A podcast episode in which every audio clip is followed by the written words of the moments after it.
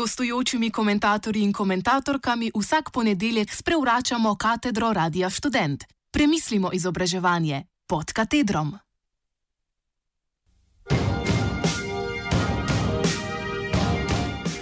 Arhitektura. Vsi v istem čovnu.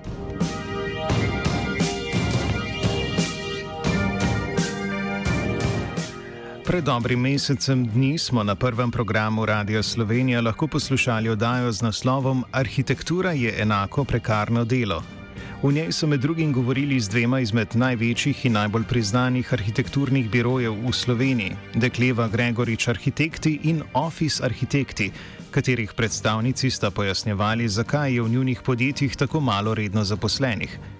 V današnji oddaji pod katedrom bomo prisluhnili odzivu na te poskuse pojasnjevanja situacije, ki so ga spisali arhitekti in študenti arhitekture, ki so se jim izjave predstavnic podjetij zdele nespremljive.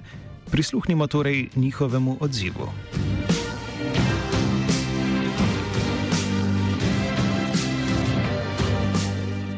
Na začetku se nam zdi pomembno povdariti, da zelo pozdravljamo prispevek celotne radijske vdaje, ki poslušalcu omogoča boljši pogled v razmere dela v arhitekturi na območju Slovenije. Toda, ko izkoriščani, tako imenovani lastniki kapitala, govorijo o tem, kako so primorani izkoriščati sistem, bi se nam morali prižgati vsi možni alarmi.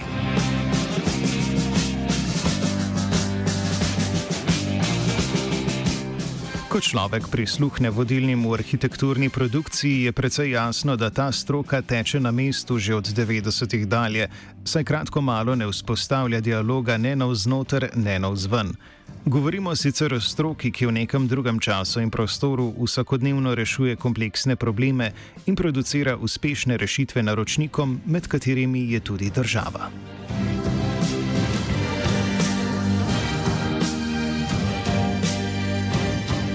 Ni odveč, da se spomnimo, da je govora o stroki, brez katere se na legitimen način ne more zgraditi niti eno samcato stanovanje.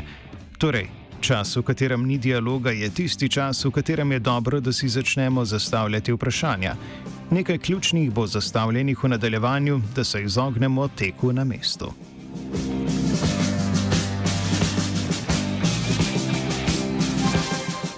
Preden se posvetimo omenjenim vprašanjem, pa je nujno podati nekaj direktnih razmislekov na izrečeno v omenjeni radijski oddaji. Vodja arhitekturnega podjetja, ki je prejelo najviše državna priznanja, pove: Citiramo: Mi si žal ne moremo privoščiti zaposlovati ostalih arhitektov. In se potem oni sami odločajo, na kakšen način se skupaj dogovorimo, se zdi njim najbolj primerno, da v bistvu uredimo to naše sodelovanje. Konec citata.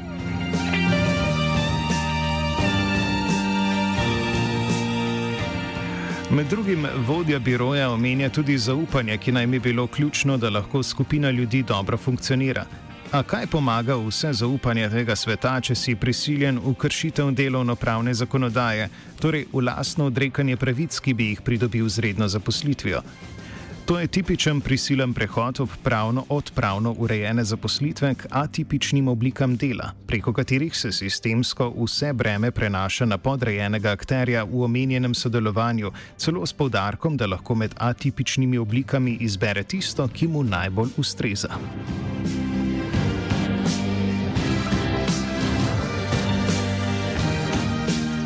Kar se tiče našega razumevanja, je to javno priznanje, da imajo v dotičnem podjetju prekarne delavce. Dobesedno v istem zamahu pa uslužbenka inšpektorata za delo pove, da ne prejemajo večjega števila prijav, ki bi opozarjale na to vrstne kršitve. V tolažbo nam je vsekakor dejstvo, da je nekaterim v letu 2019 že jasno, da se na tanko v neprijavljanju kršitev skriva eden od najbolj temačnih obrazov prekarnosti.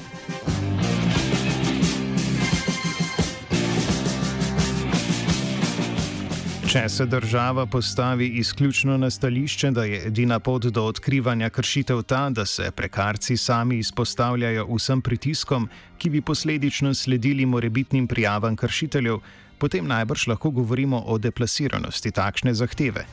Seveda pa se zavedamo, da je tak pritisk na najšipkejše in najbolj podrejene upisan že v samo jedro zagotavljanja načelnosti pravne države.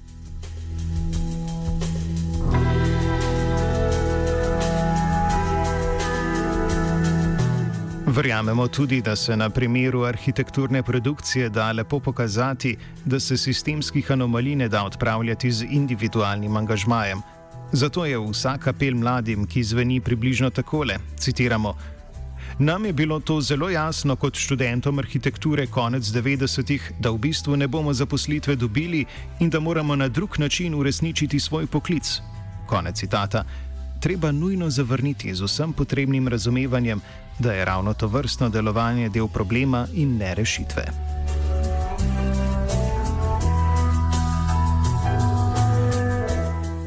Podano izjavo je dobro pogledati še vsaj v dveh aspektih. Prvič, nehote se nakazuje na to, da ima mogoče že sama fakulteta za arhitekturo tak vpliv na svoje diplomante, da se, še preden vstopijo na trg dela, odpovejo misli o redni zaposlitvi. In drugič, da ravno alternativni angažmaji uresničevanja poklica arhitekta nujno vodijo v razpršenost arhitekturne stroke, ki smo ji danes priča.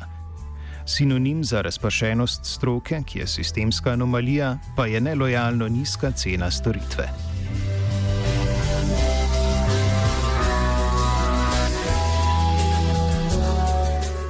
Poleg tega, da nekateri ustrajno ne želijo povezati vzrokov in posledic, obžalujemo tudi to, da smo v oddaji vsi zainteresirani primorani poslušati o tem, da tuji študentje, ki v nekaterih arhitekturnih birojih delajo praktično za ston, niso nelojalna konkurenca.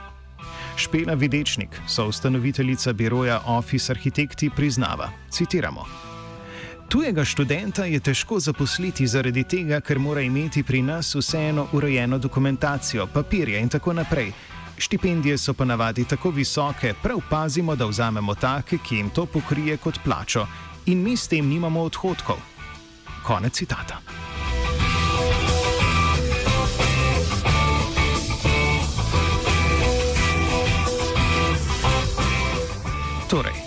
Logika je ta, da najbolj ambicioznim študentom, ki gredo pogumno v tujino, sporočaš, da za svoje strokovno delo ne bodo plačani.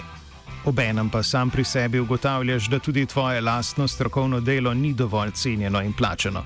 In tako pridemo do točke izvirnega greha delovanja stroke, ki nemočno išče pot on stran vzrokov in posledic.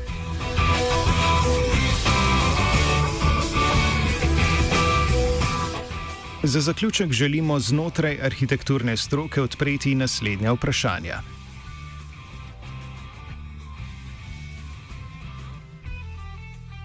Kakšen dispozitiv potrebujemo danes, da bomo lahko premustili začetne izgovore o slabih pogojih arhitekturne produkcije, ki trajajo že neskončno dolgo? Ali je edina še legitimna podstat arhitekturne produkcije skupna zahteva in prizadevanje, da se razmere dela uredijo? Kako preglasiti žargon, ki že leta upravičuje prekarnost in nezmožnost zaposlovanja v arhitekturni produkciji? Kdo so tisti ključni akterji, ki se bodo morali dogovoriti za boljše pogoje arhitekturne produkcije? Ali se tisti, ki je izkoriščen, zaveda, da izkorišča druge in ne nazadnje tudi sebe? Ali je na fakulteti za arhitekturo prevladujoči miselni ustroj tak, da že med samim študijem med študenti vzpostavi prepričanje, da ob vstopu na trg dela ne morejo upravičeno pričakovati redne zaposlitve? Pod kakšnimi pogoji je možno zanikanje, da tuji študentje, ki v birojih delajo za ston, niso nelojalna konkurenca? V čem bo ključna prelomna točka, da se bodo vodilni v arhitekturni produkciji začeli zavedati, da prelagati bremena na najšipkejše akterje ne gre v nedogled? Ali je sploh še možno resno imati arhitekturni biro, ki ima v letu 2018 nekje dobrih 600 tisoč evrov prihodkov in razlaga, da dodatno ne more zaposliti nobenega arhitekta? In za konec. Kdaj bomo končno sprejeli servirano lekcijo poznega kapitalizma, da se sistemskih anomalij ne da odpravljati z individualnim angažmajem? Na tej lekciji namreč arhitekturna stroka v Sloveniji obstane in pade.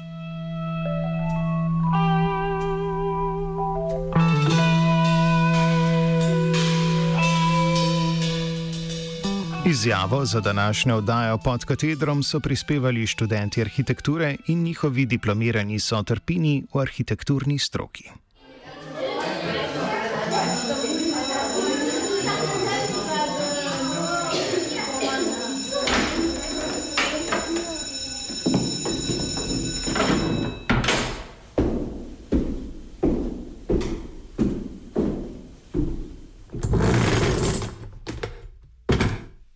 Gostujočimi komentatorji in komentatorkami vsak ponedeljek sprevračamo katedro Radia Student. Premislimo izobraževanje pod katedrom.